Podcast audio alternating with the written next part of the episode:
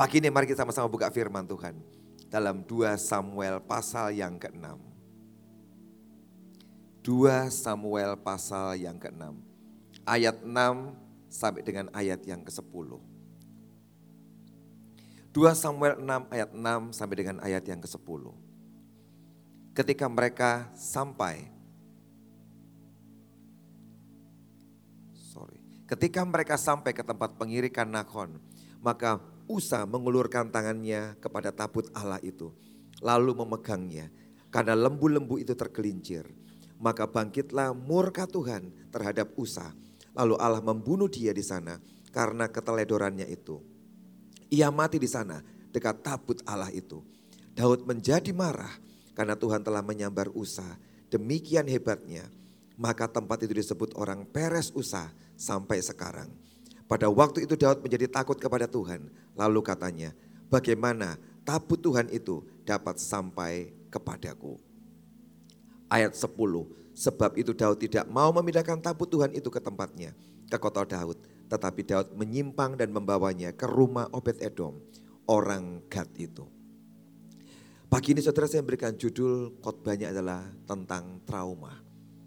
Kenapa Tuhan kasih ini? Sekian minggu lalu satu pagi saya berdoa, dan ketika sedang berdoa, bercakap-cakap dengan Tuhan subuh-subuh.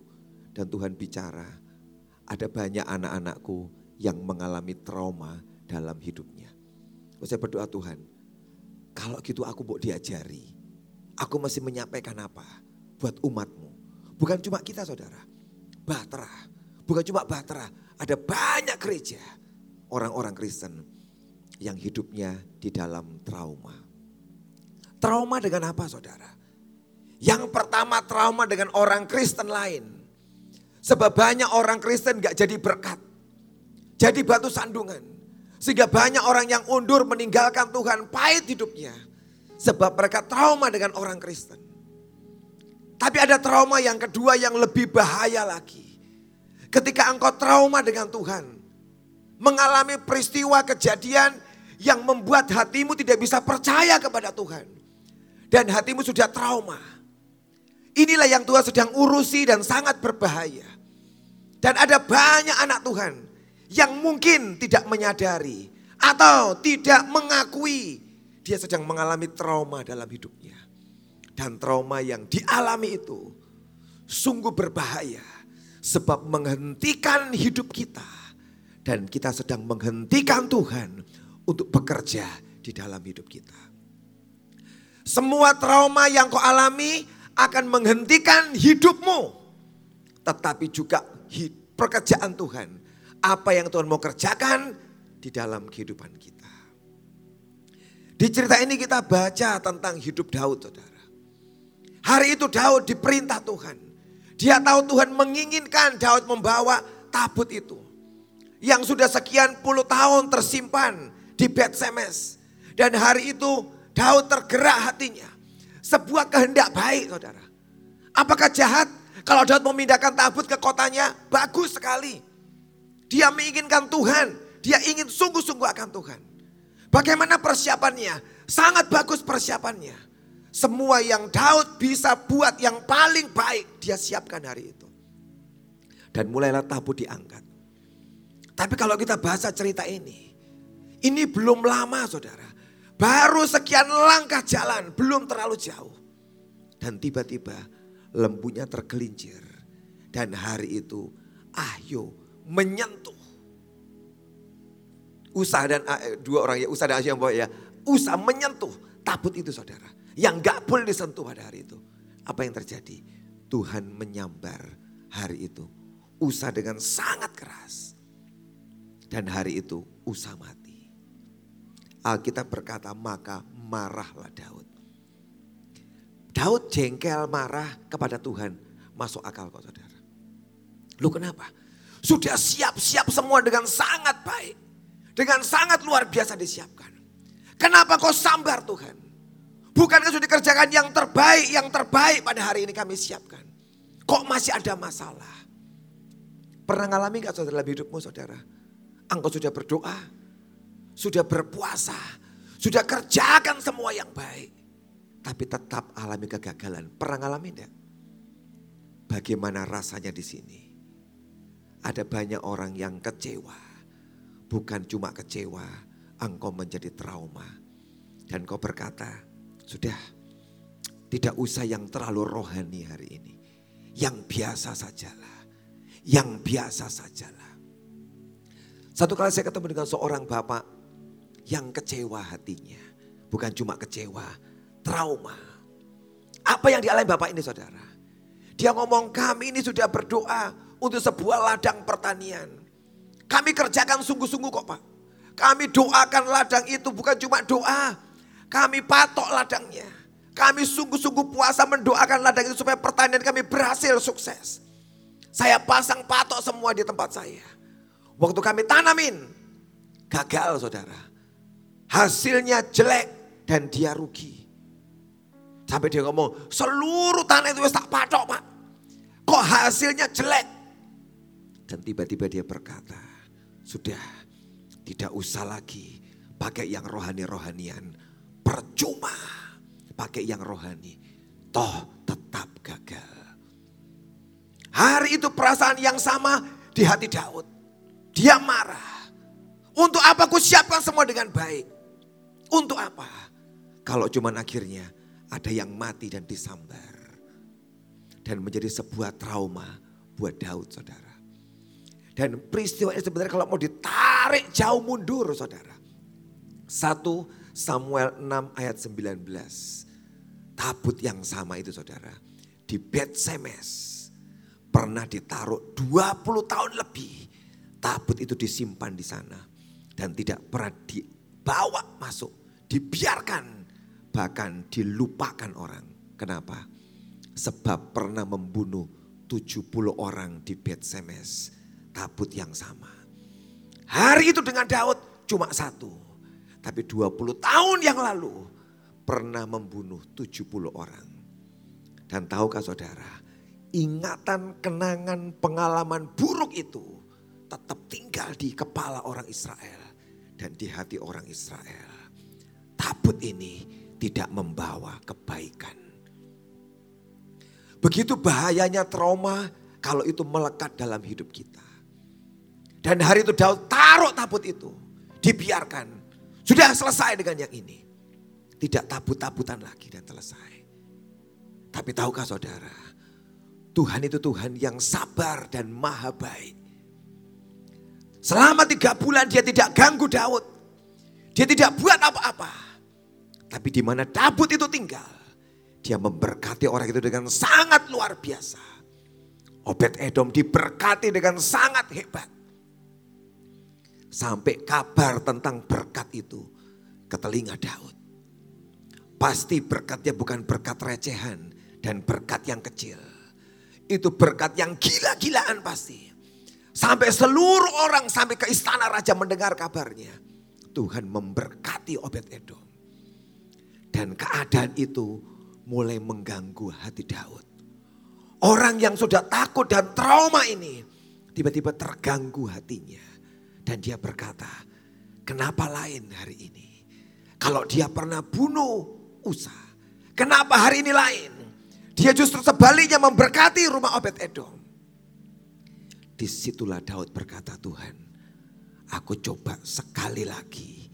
Aku coba sekali lagi membawa tabut itu. Dan ketika satu hari dia siapkan semua dengan baik. Lebih baik dari sebelumnya. Dan dia angkut tabut itu saudara. Tabut itu bisa bergerak dan pindah dan masuk ke kotanya. Tidak membunuh lagi.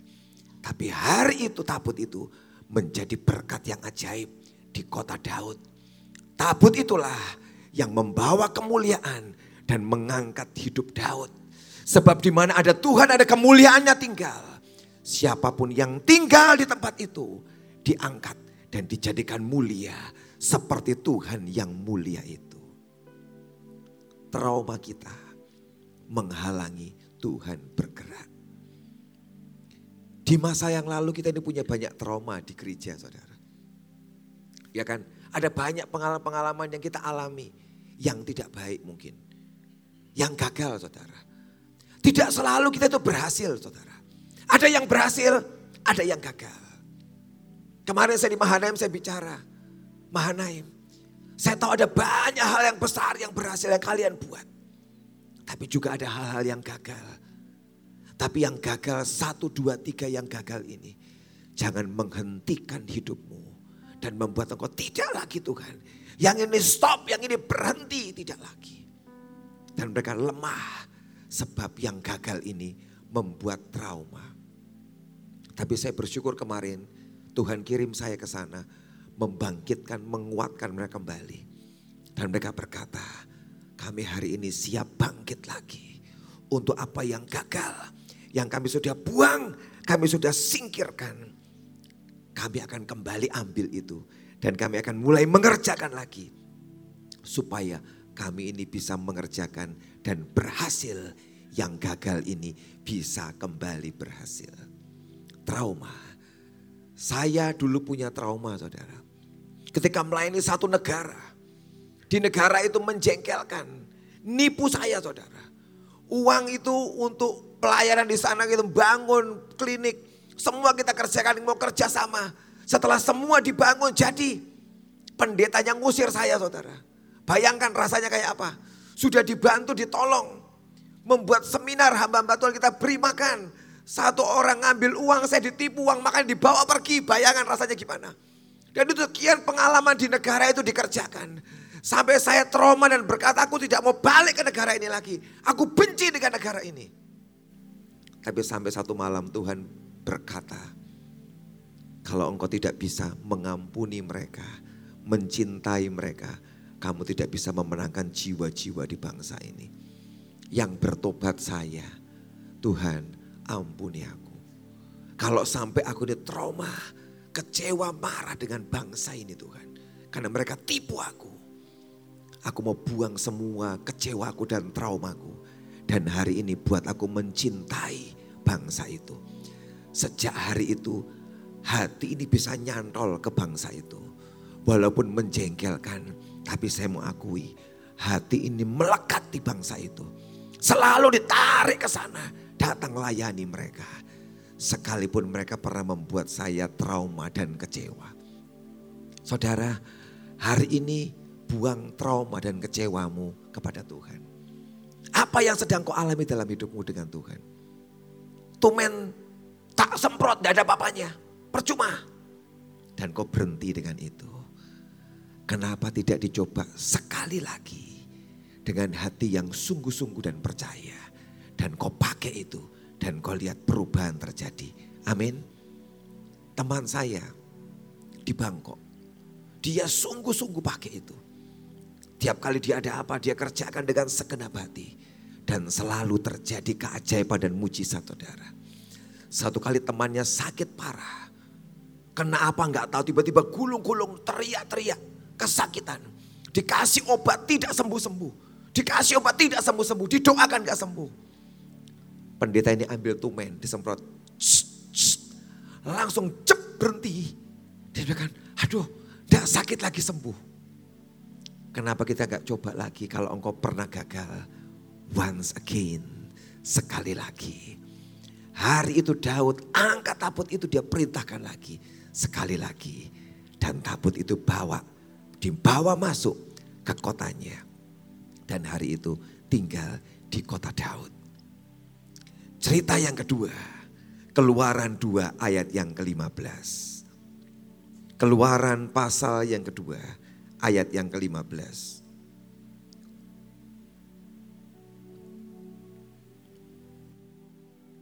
Ketika Fir'aun mendengar tentang perkara itu, dicarinya ikhtiar untuk membunuh Musa. Tetapi Musa melarikan diri dari hadapan Fir'aun dan tiba di tanah Midian. Lalu ia duduk-duduk di tepi sebuah sumur. Ini kisah tentang Musa saudara.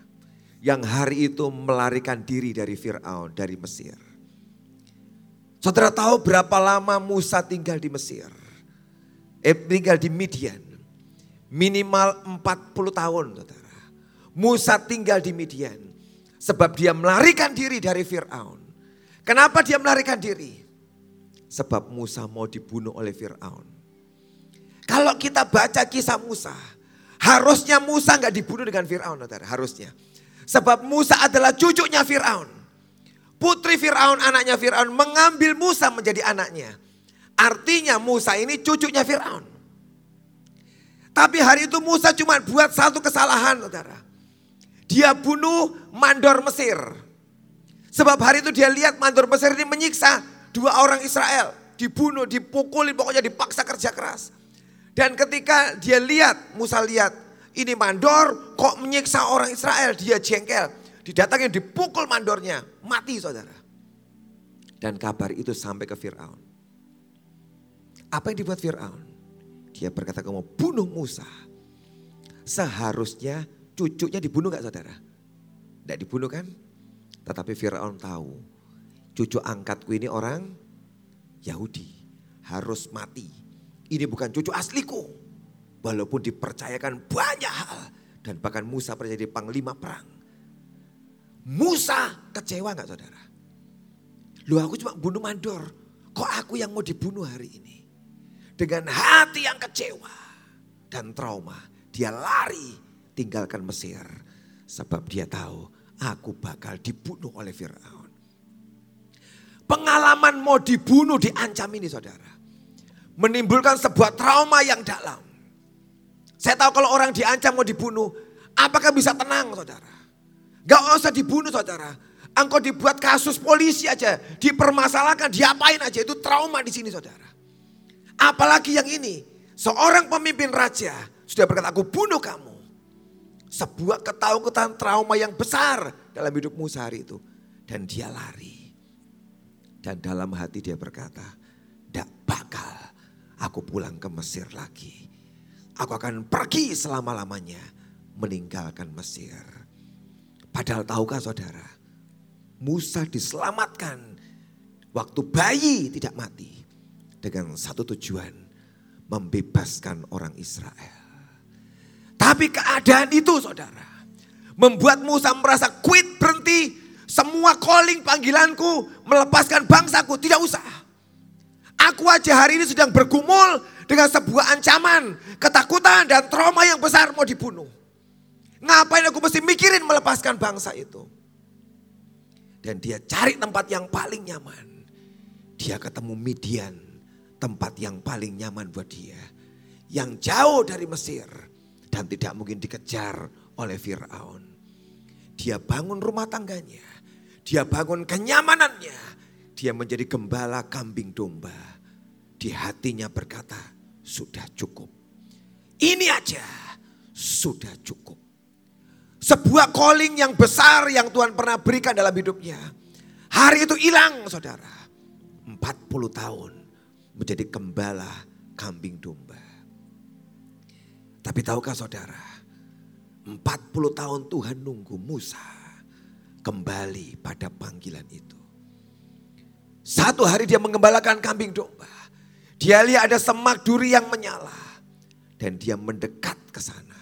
Sebab dia penasaran. Daud dibuat penasaran. Tuhan berkati Obed Edom. Narik hatinya. Mendekat dan lihat. Di padang penggembalaan itu. Dia lihat semak menyala. Ditarik lagi hatinya. Dan dia mendekat. Saudara, kalau hatimu trauma dan kau sedang takut. Tuhan sedang mengutik hatimu. Dan dia coba tarik engkau. Supaya hatimu memandang kepada dia lagi. Dan melihat kepada dia lagi. Dia mendekati semua itu. Aneh. Terbakar tapi tidak angus dan tidak habis. Dan Tuhan berkata, ini tempat yang kudus Musa. Tanggalkan kasutmu. Tuhan bicara banyak tentang hidup Musa supaya dia balik kembali kepada panggilannya. Tapi ada satu statement yang bagus yang dikatakan Tuhan dalam keluaran 3 ayat 19. Tuhan berkata, semua yang ingin mencabut nyawamu sudah mati Musa. Kembali Musa. Semua yang ingin mencabut nyawamu sudah mati. Tuhan tahu di tempat dia takut dan trauma. Tuhan katakan sudah mati Musa. Kembali, kembali, kembali. Tapi apakah gampang saudara? Untuk mengubah orang yang trauma. Orang yang sudah ketakutan dalam hatinya untuk balik apakah mudah saudara? Tidak saudara. Tuhan ngomong bicara banyak. Tuhan beri sign and wonder. Diberikan tongkat yang ajaib. Tuhan mengatakan kau akan sukses berhasil bawa bangsa ini keluar. Kalau saudara baca di keluaran 4, 10 sampai 14. Musa terus berdalih. Tidak Tuhan, aku tidak mau. Aku tidak pandai bicara. Aku tidak bisa ini. Aku tidak bisa itu. Orang Israel tidak percaya kepadaku. Kalau mereka tanya dari siapa kamu diutus. Banyak Tuhan tidak akan percaya. Fir'aun tidak akan terima aku. Dia akan marah kepadaku. Dulu yang sudah diganti dengan Fir'aun yang baru akan menolak aku. Bangsa Israel menolak aku. Tidak mungkin. Tidak Tuhan. Dan sekian waktu terus berdebat saudara. Kenapa? Trauma membuat dia coba nutupin dan dia bergulat dengan itu supaya titik tempat dia takut tidak dibongkar dan diurusi Tuhan. Terus dia buat itu. Sampai satu titik saudara. Tuhan begitu murka dan marah kepada Musa. Dan dia berkata maka marahlah murkalah Tuhan kepada Musa. Saudara Jangan sampai kita trauma dan membuat Tuhan murka dengan kita. Buang takutmu dan traumamu, singkirkan. Ketika Musa menyadari titik Tuhan murka, bicara kepada dia. Tuhan katakan ada Harun, pergi bersama dengan dia. Barulah Musa berangkat dan pulang ke Mesir lagi untuk membebaskan bangsa itu. Hampir saja saudara. Dia kehilangan sebuah calling yang besar, yang luar biasa. Sebab trauma di dalam hatinya. Sebab trauma di dalam hatinya. Tuhan mau bergerak lagi bersama dengan kita. Tapi kalau engkau takut, engkau tidak bisa bergerak. Satu pagi Tuhan ngomong sama saya. Dulu kita pernah gagal hari ini untuk beli tanah yang sangat besar. Apakah buat kita nggak trauma? Trauma di sini saudara. Tuhan, ini pengalaman yang tidak baik Tuhan. Kami tidak bisa membayar. Dalam hari ini kita sedang berdoa membeli sebuah tanah yang baru lagi. Beli gak ya kira-kira? Atau kita tinggalkan aja, selesai Tuhan. Dulu kita pernah gagal. Ketika Tuhan menawarkan yang baru, apakah engkau mau ambil? Atau kau berkata, tinggalin aja lah. Dulu kami pernah gagal. Itulah bahayanya saudara. Kalau trauma di sini. Kenapa kau tidak berkata Tuhan? Once again. Sekali lagi Tuhan. Tolong kami. Supaya yang kali ini kami bisa tidak gagal lagi mengerjakan apa yang engkau inginkan. Betul saudara, di pikiran dan di hati melekat. Beranikah engkau meninggalkan traumamu dan berkata Tuhan sekali lagi aku berjalan dengan engkau. Dan dia bantu engkau selesai dengan yang kedua ini saudara. Ada orang yang bisnis yang kerja. Yang kau gagal yang kau gagal mungkin. Dan tiba-tiba kau berkata sudah stop Tuhan berhenti. Aku tidak mau berharap lagi kepadamu stop berhenti. Sebab gagal dan kau trauma. Kenapa tidak hari ini kau berkata Tuhan. Sekali lagi Tuhan. Sekali lagi Tuhan tolong aku. Supaya aku berhasil dan aku sukses. Ada orang yang melayani mendoakan orang-orang sakit. Dan mungkin tidak pernah sembuh yang kau doakan. Kenapa kau tidak berkata Tuhan, sekali lagi Tuhan, aku mendoakan orang. Dan yang sekali itu dia akan bantu engkau dan orangnya akan sembuh. Trauma menghentikan, menghalangi hidupmu. Orang yang terakhir, Markus 14, saudara. Markus pasal yang ke-14, ayat 46 sampai dengan 52.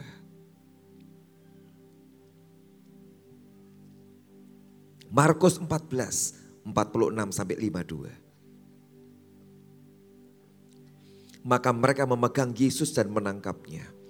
Salah seorang dari mereka yang ada di situ menghunus pedangnya. Lalu menetakkannya kepada hamba imam besar. Sehingga putus telinganya. Kata Yesus kepada mereka, Sang kamu aku ini penyamun, maka kamu datang lengkap dengan pedang dan pentung untuk menangkap aku. Padahal tiap-tiap hari aku ada di tengah-tengah kamu mengajar di bait Allah. Dan kamu tidak menangkap aku. Tetapi harus digenapi yang tertulis dalam kitab suci. Lalu semua murid itu meninggalkan dia dan melarikan diri. Ada seorang muda yang pada waktu itu hanya memakai sehelai kain lenan untuk menutup badannya mengikuti dia.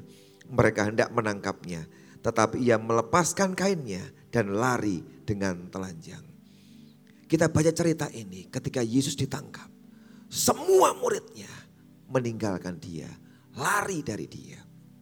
Kenapa saudara? Takut. Ini sebuah respon yang alami.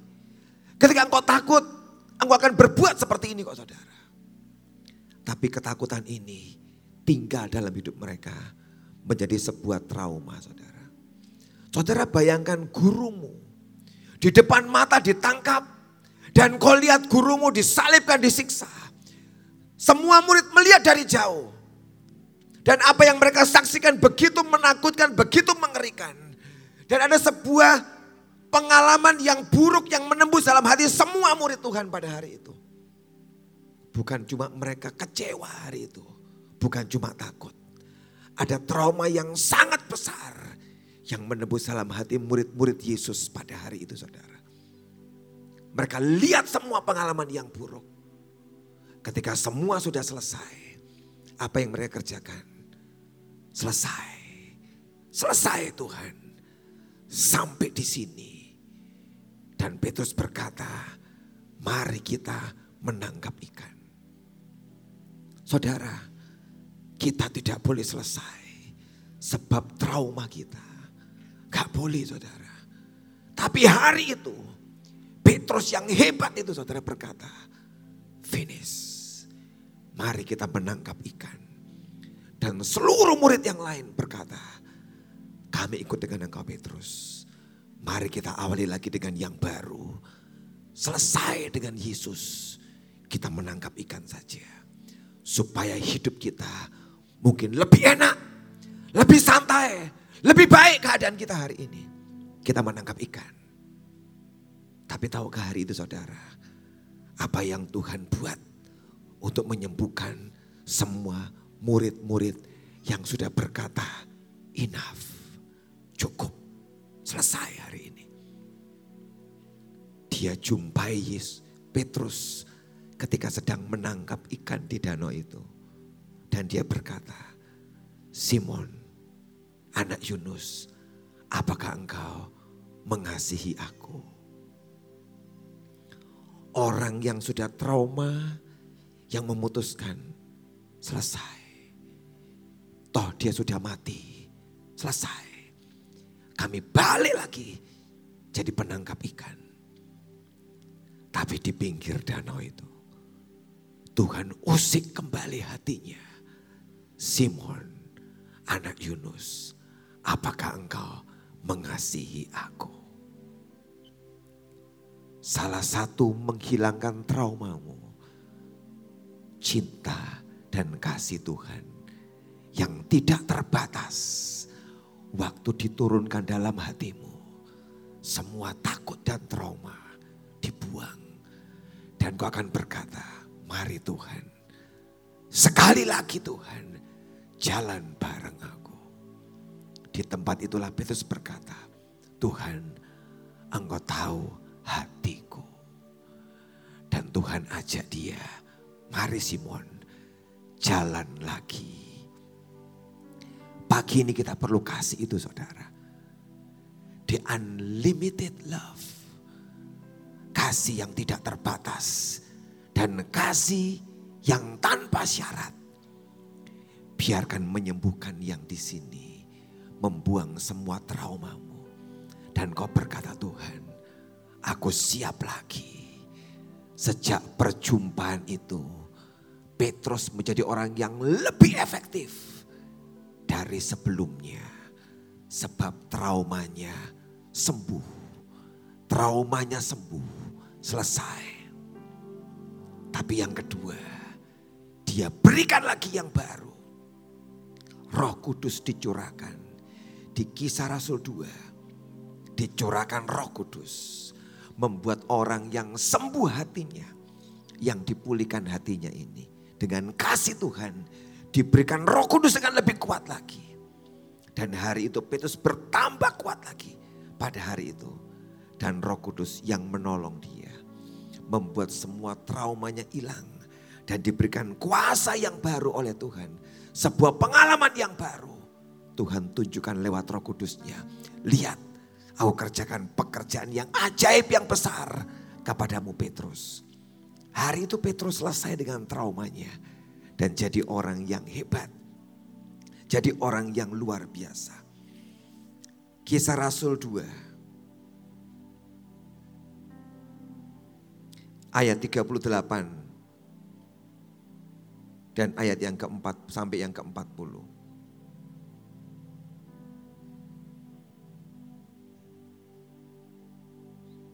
Jawab Petrus kepada mereka, bertobatlah dan hendaklah kamu masing-masing memberi dirimu dibaptis dalam nama Yesus Kristus untuk pengampunan dosamu. Maka kamu akan menerima karunia roh kudus. Sebab kamulah janji itu dan bagi anak-anakmu dan bagi orang yang masih jauh. Yaitu sebanyak yang akan dipanggil oleh Tuhan Allah kita. Dan dengan banyak perkataan lain. Ia memberi suatu kesaksian yang sungguh-sungguh. Dan ia mengecam dan menasihati mereka katanya. Berilah dirimu diselamatkan dari angkatan yang jahat ini. Dia bicara dengan sangat jelas tentang Tuhan Yesus dia berkata bertobat. Ketika dia trauma, dia sembunyikan dirinya. Ketika dia pulih, dia bicara dengan terbuka di depan ribuan orang. Berilah dirimu dibaptis. Berilah dirimu dibaptis. Semua trauma yang dia alami disingkirkan, dibuang. Dan Petrus menjadi orang yang dipulihkan. Tuhan bicara kepada Petrus Yohanes 21. Yohanes 21. Ayat 15 sampai dengan 19.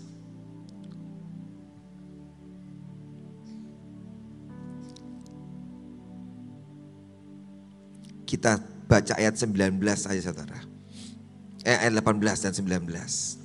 Aku berkata kepadamu, sesungguhnya ketika engkau masih muda, engkau mengikat pinggangmu sendiri dan engkau berjalan ke mana saja kau kehendaki.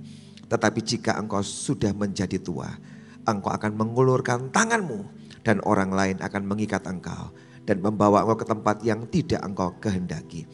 Dan hal yang dikatakannya, dikatakan Yesus untuk menyatakan kepada Petrus akan mati dan memuliakan Allah. Sesudah mengatakan demikian ia berkata kepada Petrus, ikutlah aku. Selesai dia ngomong, apakah engkau mengasihi aku Petrus? Di situlah dia yang katakan Petrus, satu kali kau akan pergi ke tempat yang kau tidak suka. Tapi kau akan pergi ke sana. Dan hari itu Petrus berkata, aku siap Tuhan. Aku siap. Selesai traumanya. Bahkan dia akan menghadapi yang tidak enak. Petrus siap saudara. Petrus siap. Sebab dia sudah membereskan semua trauma di dalam hatinya saudara. Kita tidak boleh terikat dengan trauma masa lalu. Boleh gagal, boleh. Tapi kita harus menang di tempat yang sama. Di tempat engkau gagal. Walt Disney sangat terkenal hari ini. Saya nggak tahu apakah dia orang Kristen atau bukan. Tapi itu orang yang hebat, yang luar biasa.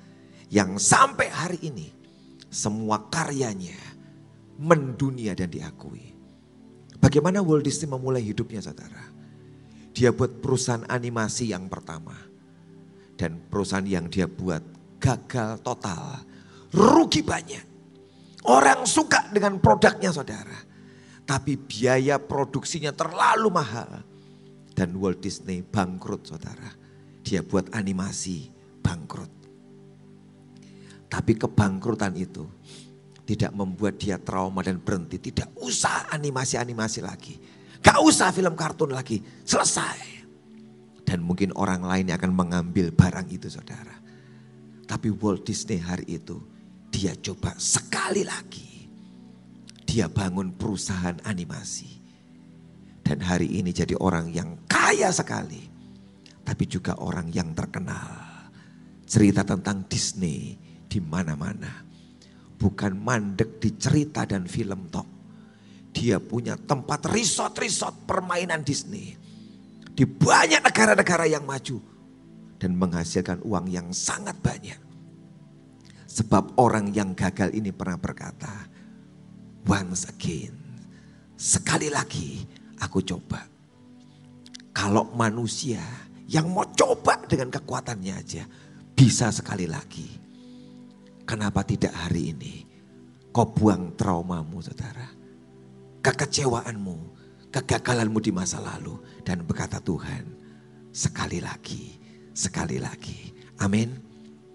Tutup Alkitab saudara pada pagi hari ini. Kita berdiri sama-sama saudara. Terima kasih Tuhan, terima kasih. Lagu tadi yang Sohir Aibau ada satu statement kata-kata yang bagus di lagu itu. Coba dipasang lagunya. Engkau membawa aku kembali untuk hidup. You bring, you brought back life. Engkau membawa kembali kehidupan itu. Tahukah saudara? Tuhan kita suka saudara. Untuk dia membawa kembali sesuatu yang sudah mati hilang.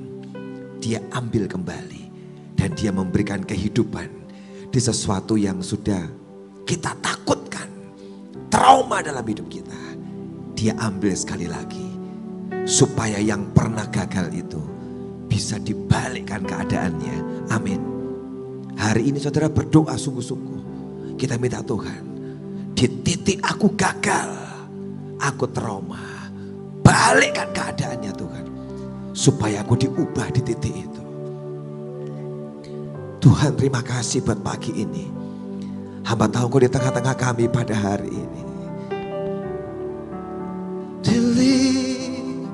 Did high God of heaven and earth God to brought me back to life I am yours forever your God here, God here, and I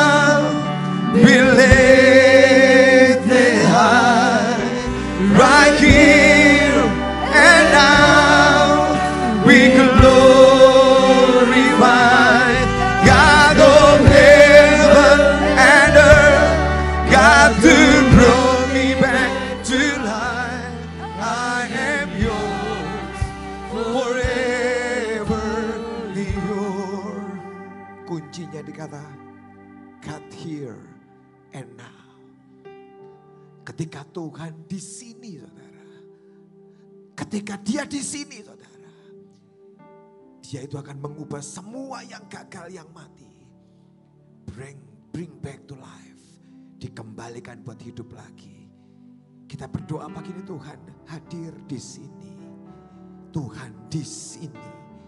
Kalau engkau di sini Tuhan. Engkau buat kembali menjadi hidup. Semua yang gagal, yang hancur, yang rusak. Menjadi kembali hidup Tuhan. Menjadi kembali hidup.